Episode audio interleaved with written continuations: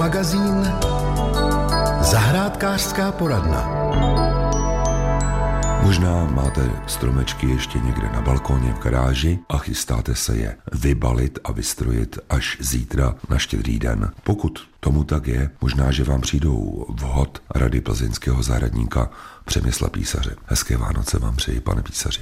Dobrý den. Pojďme si říci, jak udržet u stromečků tu jejich svěžest co nejdelší dobu, nejenom o těch hlavních vánočních svácích, ale třeba i začátkem ledna. Tak my máme stromečky, které jsou buď řezané, anebo kontejnerované. Takže u těch řezaných je to tak, že pokud ten stromeček je od nějakého českého pěstitele, tak se ty stromečky takzvaně sklízejí v podstatě, řeknu, pár dnů před tím prodejem, nebo třeba týden, 14 dní maximálně. A u takovýchhle stromečků, tak eh, samozřejmě má smysl, pokud ten stromek vybalíte skutečně až toho 23. 24. nazdobíte ho, on krásně povolí ty větve, pěkně se rozprostře do prostoru, když tak ty spodní větve můžete podle potřeby ještě ořezat a máte vlastně chvojí, které můžete použít na ozdobu, já vím, vánoční tabule nebo nějaké aranžmá si udělat, můžete ho použít do nějakých květináčů jako venkovních, zimních a tak dál. A většina těch stojánků tak má ještě tu možnost, že do nich lze nalít voda. A u těle těch stromečků od těch vlastně českých pěstitelů to celkem smysl má, protože ten stromek, který je podříznutý a bude mít šanci vlastně z toho stojánku ještě brát nějakou vodu, tak nám udrží výrazně dále tu možnost toho, že voní, že vytváří krásnou atmosféru a že nepadají jehlice. A tohle to má skutečně jakoby smysl u těch stromků od těch českých pěstitelů. Pokud jsou to tzv. dánské jedle, nebo moje zkušenosti je, že to vlastně mají hypermarkety, supermarkety, tak tyhle ty stromečky pocházejí vlastně z plantáží z Dánska, kde se vlastně pěstuje, řeknu možná 50% vánočních stromků pro celou Evropu. A samozřejmě, aby tyhle ty pěstitelé to nějakým způsobem zvládli vůbec sklidit z těch plantáží a naložit do kamionu a dovést sem, tak ty stromky touto dobou bývají někdy třeba dva, tři, někdy i čtyři měsíce podříznuté a čekají v nějakých chladicích zařízeních na tu distribuci. A u takového stromečku, a to je teda bohužel většina těch stromků na tom českém trhu, peče o ten stromek, postrádá smysl, že ten stromek je dávno po smrti a když mu tam tu vodu i dáte, tak eh, ty pletiva už si ji nedokáží vzít na zpátek. Ale dá se tomu pomoct tak, že ten stromeček třeba před tím štědrým dnem třeba namočte do nějaké vody nebo ho prostě postříkáte nějakou vodou, dáte ho ven prostě na sníh, aby se k němu ta vlhkost dostala a ten stromek má šanci do těch pletiv ještě nějakou tu vodu nasát. Samozřejmě důležité je, aby ten stromeček eh, jste nechali v nějaké bezmrazné místnosti zase jako okapat, eh, aby jste si potom doma nepřidělali nějaké problémy a trošku se tomu stromku dá prodloužit jakoby ta životnost eh, myšleno v tom slova smyslu, než vám opadá. Samozřejmě on se potom jako lépe rozvoní. Akorát stromečky z toho dovozu, takzvané ty v úvozovkách dánské jedlé, nemyslím to jako konkrétní označení, ale obecnou skupinu, tak už jsou prostě podříznuté tak dlouho, že nemá smysl do toho stojánku dávat vodu s tím, že tomu stromečku pomůžete, ten už to má za sebou. Viděl jsem na Facebooku fotografie jednoho stánku, který prodává vánoční stromečky a tam bylo napsáno Vánoční stromky frézujeme jenom na vyžádání. Co to je frezování vánoční stromku? Ty jedličky mají takový silnější kmendule, když se na to podíváte a do většiny stojánků by se nevešly, nebo do většiny, záleží, jaký stojánek máte. Já mám třeba stojánek, který pojme velký strom, ale většina těch bývalých eh, stojanků byla dělaná na borovičky, na smrčky nebo na české jedličky a ty dole nemají tak eh, silný kmen. Takže proto, abyste se do toho stojanku vešli, tak ty prodejci mají fresku, je to také jako ořezávátko, kam ten tlustý kmen té jedličky strčí a ta freska ho ořeže vlastně do takového tvaru, který ten stojánek potom umí pojmout. Čímž to pádem, ale i u toho českého stromečku, takzvaně oholíte tu kůru, která je schopná potom tu vodu v tom stromku odvádět a pak teda zase nemá smysl abyste tu vodu do toho stojánku dávali, protože ten stromeček už nemá čím by si ji vzal. Máme do té vody něco přidávat, aby se ten stromeček měl lépe nějaké živiny, anebo ho třeba rosit? Řekněme si to úplně otevřeně. Vánoční stromeček je dekorace, jejíž účelem je vydržet, já nevím, třeba do začátku ledna. Podle toho každý to má samozřejmě trošku jako jinak. A jde o to, aby nám udělal radost po té vánoční tabuli, aby jsme tam našli ty dárečky, aby nám hezky provonil vlastně tu naši domácnost a jde o to, aby to teda zvládnul jako po nějaký ten týden, 14 dnů podle toho, jak kdo to má a aby pokud možno moc neopelíchal. Samozřejmě jehličí rády ztrácejí smrky, o něco méně borovice, české jedličky vydrží taky poměrně dlouho, ale ty téměř nevidíme, takže vlastně všechno jsou ty dánské nebo takzvaně kanadské jedle a ty jehlice příliš jakoby nestrácí. A to, jestli tam dáte nějakou výživu nebo jestli s tím něco budete dělat, ten stromeček už je uříznutý, ten už neožije. To znamená, tam jde o to jenom v tom těle toho stromku udržet ty pryskyřice a udržet eh, nějakou hladinu vody tak, aby vlastně ten stromeček vonil a aby to jehličí neopadávalo. A když budu mít stromeček kontejnerovaný, tedy v květináči, který by mohl vydržet i několik let a pak mi například může ozdobit zahradu? Za mě osobně my třeba ani řezané vánoční stromky neprodáváme, protože nám to přijde líto. Prostě ty rostliny máme rádi, takže ty kontejnerované, to mi přijde jako úplně skvělá varianta u toho kontejnerovaného stromku, pokud je to teda stromeček, který skutečně v tom kontejneru je ne protože je to marketingová akce, protože chráníme planetu. Také jsou tací pěstitelé, kteří ty stromky z toho pole velmi neodborně vyrvou, vykopou, pak to nadspou do květináče s tím, že my máme jakoby zákazníci větší radost z toho, že to přežije ale ten stromek je odsouzen k zániku. A to poznáte na první pohled. Jo. Je to hodně stromku, malý květináč, ten stromeček prostě umře tak jako tak. Ale pokud jsou to skutečně rostliny, které jsou na to připravené, to zná v případě těch vánočních stromků pro těch víc sezon, tak ten stromek se dobývá někdy na konci září, pak je zasazen do květináče, tam je zapěstován, on stačí krásně prokořenit. Poznáte to tak, že když ten stromek eh, vlastně vezmete a z toho květináče ho vyndáte, tak tam uvidíte spoustu mladých, svěžích kořenů. A takovýhle stromek skutečně může vydržet několik sezon, pokud my nepokazíme jednu věc. A to je to, jak se o něj vlastně starat v průběhu těch Vánoc. Český rozhlas Plzeň, rádio vašeho kraje. Před písničkou jsme skončili u vánočních živých stromečků, tedy v květináči kontejnerovaných. Už víme, že si máme prohlédnout kořínky, měly by být zdravé, ale co dál? Koupíme si právě ten stromeček, budeme ho mít v garáži, někde na zápraží. U těch kontejnerovaných stromků, tak to, co řešíme, tak je změna teploty.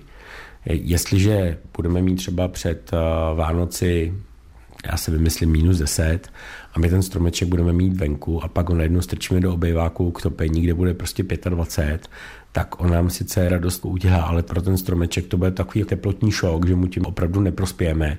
A teď si představte, že po nějakých jen třeba 10-14 dnech ten stromeček vezmeme a z těch 25 stupňů, kde ten stromek už se pomalinku probouzí a říká si, ha, je jaro, budu růst, tak vy ho strčíte ven na mráz a tam bude třeba minus 10, tak to tu rostlinu zlikviduje.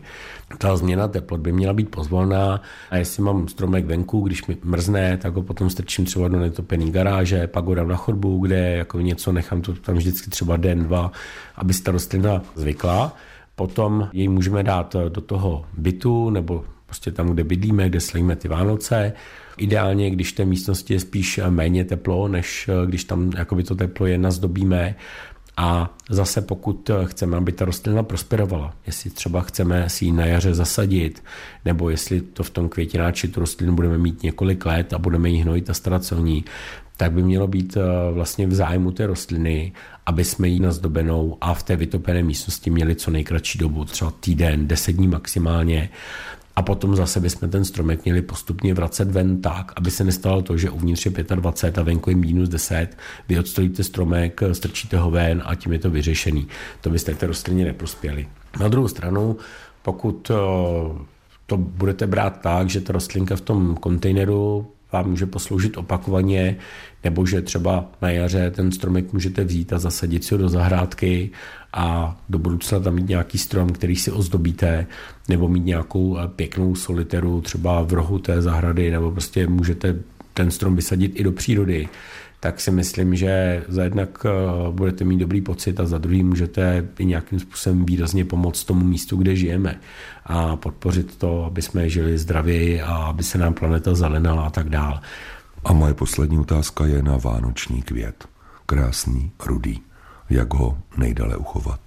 Pokud se bavíme o vánoční hvězdě, tak otevřeně řečeno to je rostlina z čeledi pryšcovitých a ty vlastně velké červené květy nejsou květy, ale jsou to vlastně listy. A ten květ, ta vánoční hvězda má takový poměrně jakoby nevýrazný. A co je zajímavé, tak aby ta vánoční hvězda takzvaně vykvetla, to znamená, aby ty listy zbarvily do červená, tak ta rostlina se pěstuje tak, že už někdy v létě se začne eh, pěstovat v řízeném eh, klimatu a tím myslím to, že si ji začíná zkracovat den. Prostě zatáhnete záclony v tom skleníku a pokud eh, ji zastíníte a ten den ji zkrátíte z nějakých, já vím, třeba přes léto 16, 14, 12 hodin a zkrátíte ji to na 8, už někdy třeba od září, tak ona potom takhle stačí krásně jakoby zbarvit do červena. Jinak, co se té péče týká, jako každá pokojová rostlina přes zimu měli bychom omezit zálivku. To neznamená, že ji nebudete zalévat, ale znamená to, že nebude přelitá, spíš jako dáte trošku vodní dietu, budete ji držet někde, kde se příliš netopí, více chladu bude lépe a tu vánoční hvězdu třeba na jaře můžete vzít, můžete ji přesadit, můžete ji zastříhnout, můžete si ji namnožit a starat se o ní teda jako o klasickou pokojovku.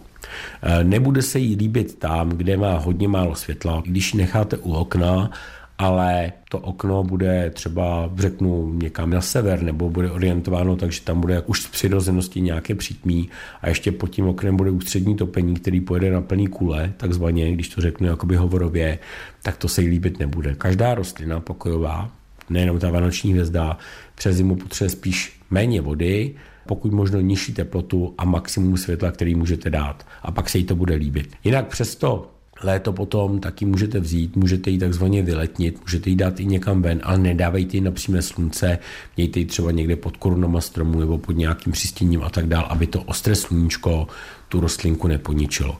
A když budete chtít, aby vám opakovaně příští rok zase na Vánoce krásně vybarvila ty červené listy, tak je potřeba myslet na to, že už někdy od konce září taky prostě na večer nebo podvečer vždycky dáte prostě nějaké zastínění nebo ji šupnete někam, kde už není žádné světlo, abyste jí zkrátili ten den a ona na základě toho vybarví ty listy do červena. Tak to byly před štědrovečerní rady od plzeňského zahradníka Přemysla Písaře. Já vám děkuji, že jste si udělal čas, protože oba dva máme chřipku, Oba dva máme horečku, takže jsme si alespoň při tomto natáčení krásně vzájemně vyměnili bacily. V to doufám. Ano, já myslím, že jsme je překřížili dostatečně a když se vezmu teda to, co nám děti přinesli domů, jak nás to tam všechno složilo, toho, co jste měl vy, tak hádám, že tady máme nového mutanta do ledna. Hobby magazín Náš tip. Minulý týden se už konečně ohlásila zima. Neříkám, že mrzlo až praštilo, ale teploty pod nulou jsou mnohdy takovou malou výstrahou pro všechny, kteří mají vodoměry ve venkovních šachtách, anebo třeba také ve sklepích chataře a chalupáře. A právě o zamrzajících vodoměrech si dnes budu povídat s paní Danou Veselou, která je mluvčí plzeňské vodárny a panem Petrem Štěpánem, vedoucím vodoměrné služby. Hezký den. Dobrý den. Dobrý den. Když budeme mít venkovní šachtu právě s vodoměrem, jak ji na zimu zabezpečit, aby nám ten vodoměr nezamrzl, nepraskl a dejme tomu, jsme neměli zahradu plnou vody? Tak ideální je, když tu šachtu jsme schopni vevnitř zajistit tím, že izolujeme potrubí a vodoměr nějakým prostředkem, který nepodlehá zkáze. To znamená polystyrény, miralony a podobné materiály. Kolik by tam toho mělo být? Vyplnit tu šachtu celou? Prostor nad vodoměrem především, čili řádově stačí 15 cm vrstva nad vodoměrem, která by měla chránit proti promrzání toho vlastního potrubí a toho vlastního měřidla. A když budeme mít vodoměr například ve sklepě na chalupě, máme zavřít přívod vody, když odjíždíme, anebo to nechat být ve sklepě, tam většinou nemrzne. V každém případě, když máme vodoměr umístěný v jakýchkoliv prostorech, který netemperujeme nad bod mrazu, je doporučeno uh, při opouštění objektu uzavřít přívod vody před vodoměrem, uzávěrem před vodoměrem a uzávěr za vodoměrem ponechal otevřený. Je to z toho důvodu, že vodoměr nikdy nevypustíme ideálně, vždycky v něm nějaká voda zůstane. A i když dojde k nějakému zamrznutí, promrznutí, tak aby se ten tlak mohl rozložit do potrubí, je právě tento doporučený postup. Ale také můžeme vypustit vodu ze systému, když už bude přívod vody uzavřený. Ano, Předpokládá se, že voda za vodoměrem je vypuštěná z rozvodu. A co se stane, když ten vodoměr zamrzne anebo praskne, kam mám zavolat? Do místní vodárny, která mě zásobuje vodou? kontaktujete toho, kdo je provozovatelem vodoměru, to znamená tu příslušnou vodárnu, která vám zároveň i fakturuje. Ten vodoměr mi vyměníte bezplatně, anebo mě to bude něco stát? Výměna vodoměru stojí zákazníka zhruba asi 2000 korun. Je v tom jednak ten přístroj jako takový a jednak je tam režie, kterou potřebujeme k tomu vynaložit. Ale když ten vodoměr už budu mít třeba pět let, většinou se po pěti letech mění a on praskne, tak proč to platit, když si ho potom zpátky vezmete? Je to z toho důvodu, že odběratel je povinen vodoměr proti poškození chránit. Je jiný rozdíl mezi poškozením vodoměru a mezi jeho pravidelnou výměnou.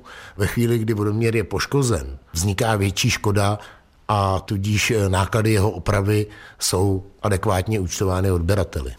A proč ty vodoměry měníte? Jsou, dejme tomu, v klidu, někde ve sklepě, Vodoměry fakturační se mění podle zákona po šesti letech a je to z důvodu, že se jedná o takzvaná stanovená měřidla.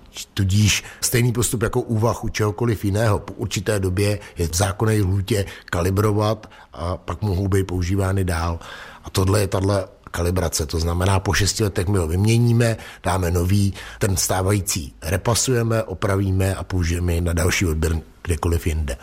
To mě nic nestojí, protože to je v ceně toho vodného? Ano, pravidelná výměna probíhá na náklad kalkulace ceny vodního stočního, nikoliv na konkrétní odběrné místo. A když se mi bude do těch šesti let, než mi vyměníte vodoměr za jiný, zdát vysoká spotřeba vody, mohu nějak reklamovat ten vodoměr, když budu mít podezření?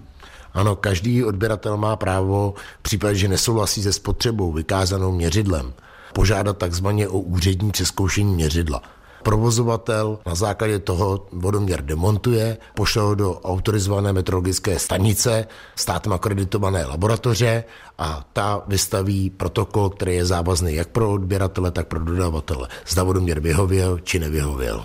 A když bude v pořádku, budu něco platit? Případě, že vodoměr vyhoví, hradí náklady spojené s jeho výměnou, přeskoušením odběratel. Je to řádově okolo 2,5 tisíc korun. To jsou tedy hezké peníze, ale když bude ten vodoměr proměřovat, vy mě vrátíte za to období peníze?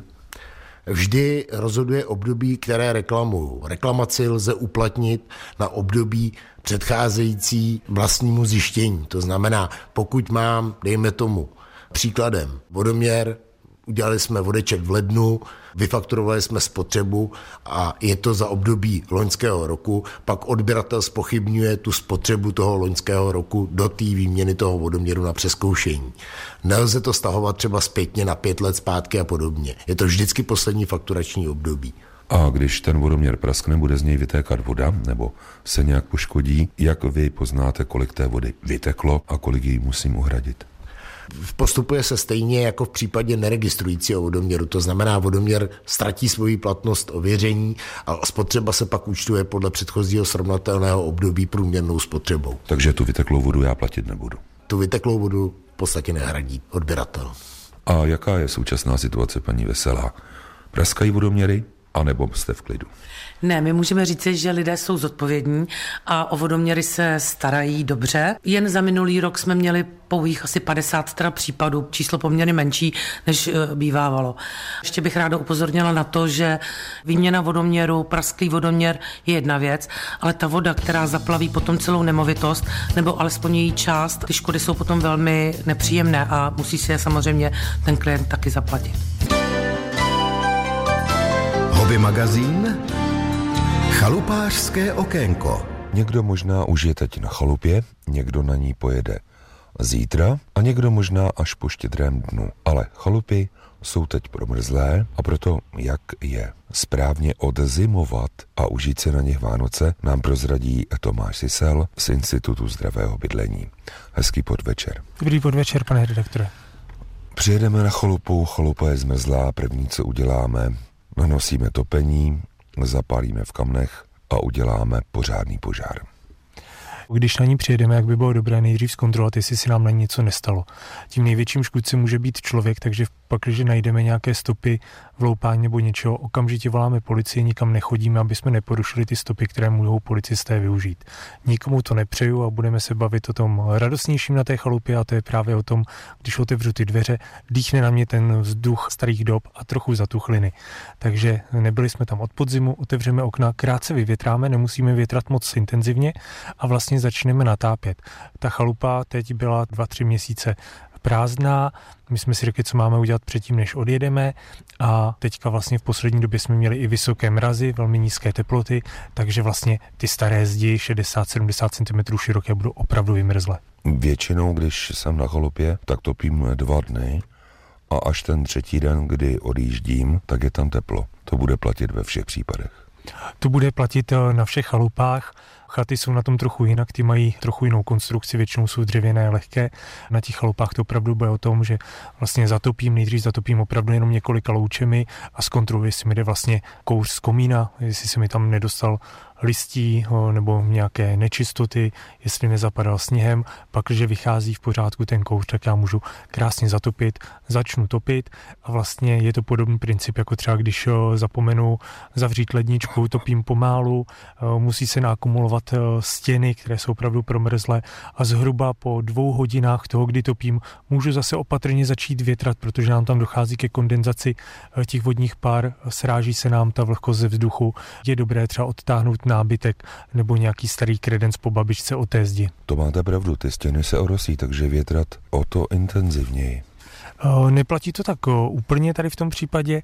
Jde o to spíš třeba tu kondenzovanou vodu, která je třeba na nějakém hezkém lakovaném kredenci, setřít, topit opravdu musíme natápět pozvolna. Eh, ta chalupa, jak vy jste říkal správně, trvá dva, tři dny, než se natemperuje, než je pak v ní zase skvělé teplo a jde o to si užít tu atmosféru naší. Hlavně tam třeba takový malý trik, bude za námi chodit zbytek rodiny, spousta náštěv, tak já bych sem doporučil vždycky teplé přezůvky, aby jsme si nenosili vodu nebo sníh na obuvi dovnitř, právě aby jsme nechávali někde v předsíni, teplé bačkory. A stejně jako budeme nechávat boty někde na zápraží, tak by jsem tam nechal i všechen stres a starosti a tu chalupu by jsem doporučil vašim posluchačům si užít v klidu, tak aby zaspomínali na své blízké, na to, jak tam vyrůstali a užili si tu pohodu těch Vánoc, protože toho času není moc a pak nám zase začíná nový rok. O toho ta chalupa je, ale až budeme odjíždět třeba po novém roce zpět do práce, do našich domovů, co s ní udělat? Samozřejmě vypustit vodu ze systému a to bude asi tak všechno. Voda ze systému, eh, stejně jako jsme si říkali eh, na podzim, když jsme zazimovávali chalupy, zbytky jídel, všechno odstranit, tak aby nám to nelákalo škůdce.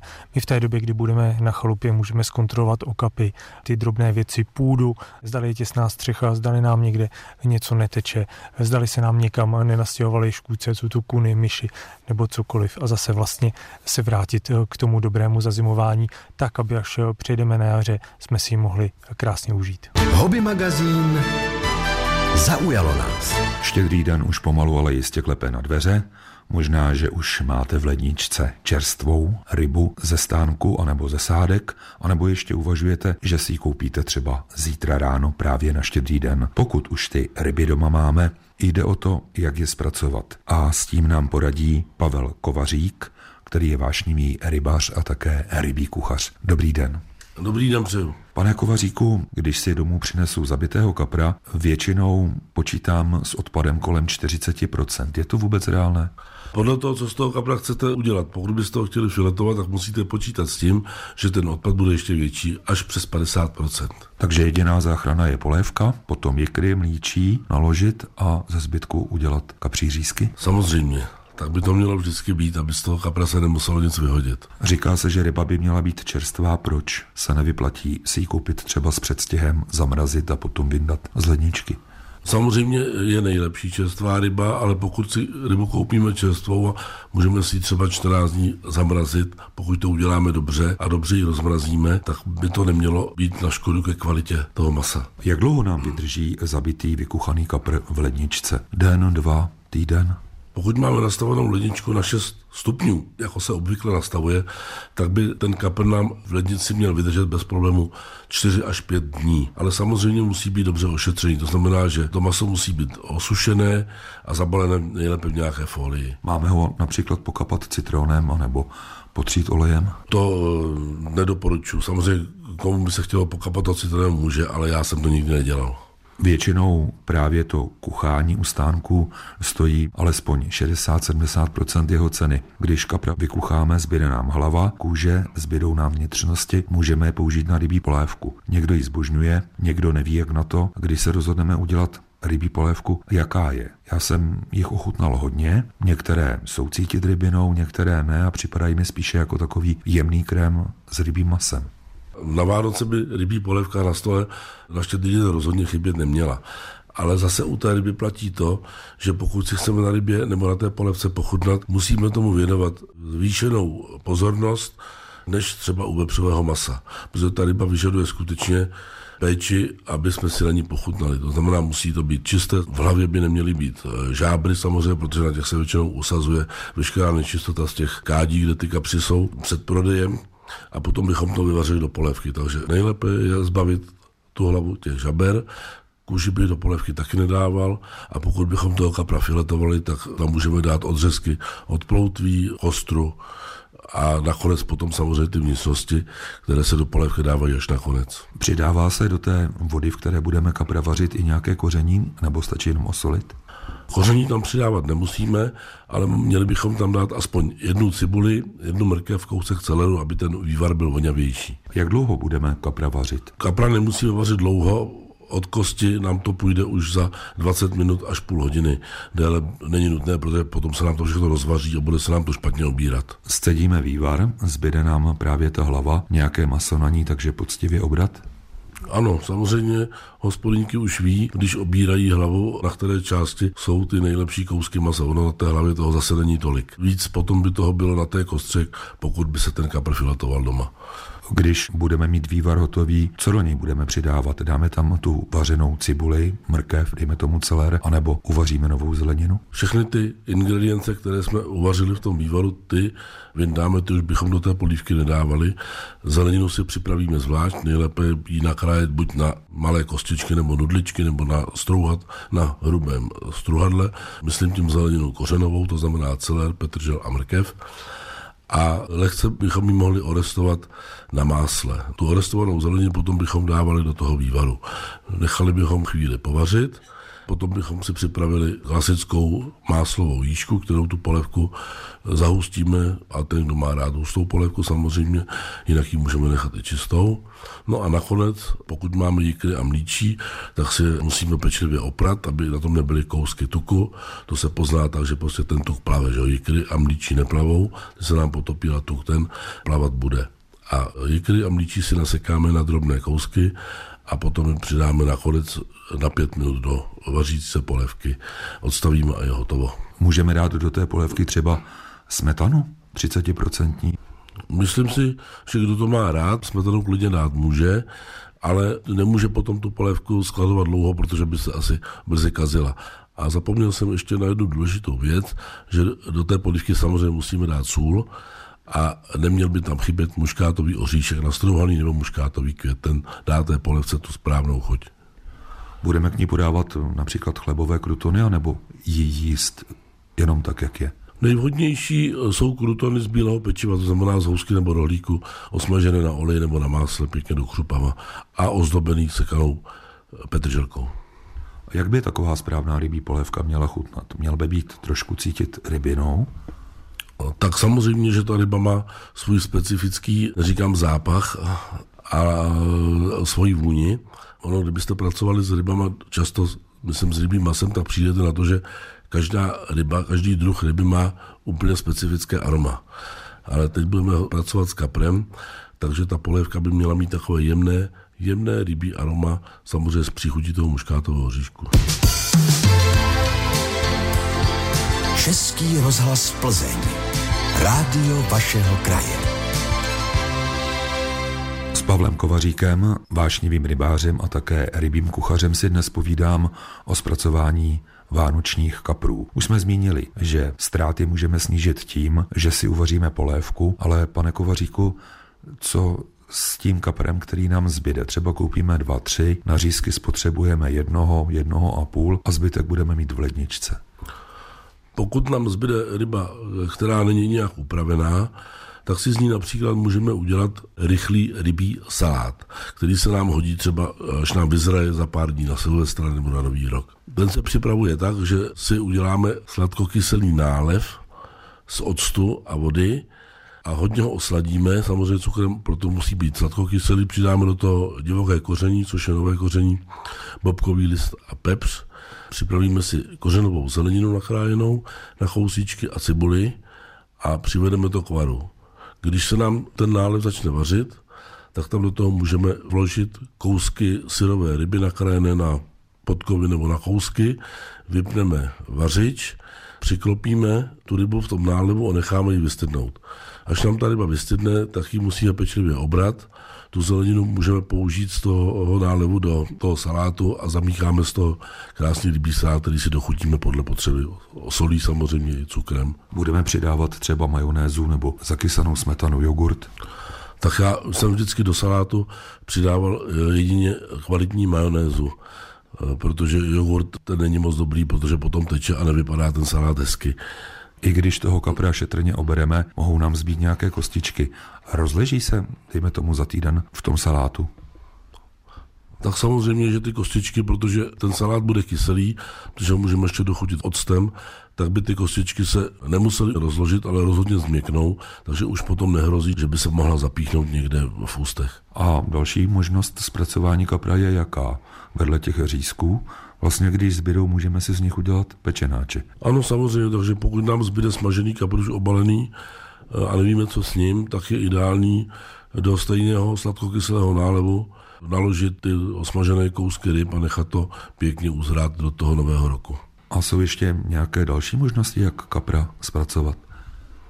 No pokud vydržíme u toho sladkokyselého nálevu, tak eh, si kapra můžeme připravit klidně i do rosolu který uděláme teda z želatíny, samozřejmě octa, soli a cukru.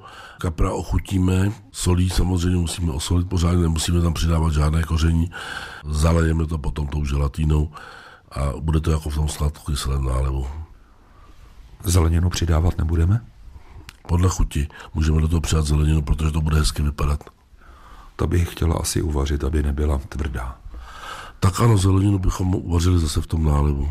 A vy jak připravujete kapra právě na štědrý den a na Vánoce? Tak já jsem si zvyk rodinu, že jsem mi rozmázil tím, že mají kapra filetovanýho, to znamená, že v tom nejsou téměř žádné kosti. Někomu se stane dokonce, že se ptá, jestli vůbec to bylo z kapra, protože tam žádnou kost nenašel.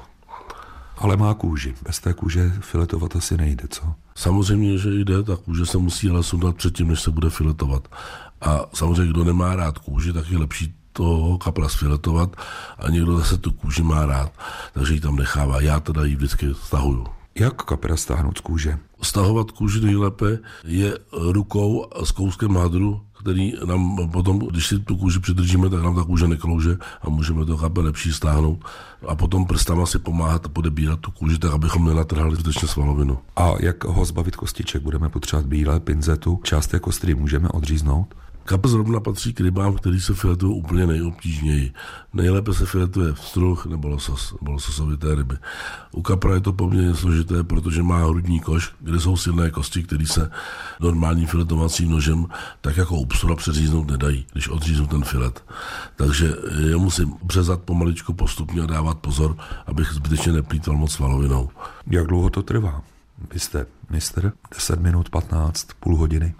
Tak já, když jsem měl připravenou rybu bez hlavy staženou a zbyl z ní jenom ten trup, tak jsem filetoval 12 až 15 kaprů za 4 hodiny.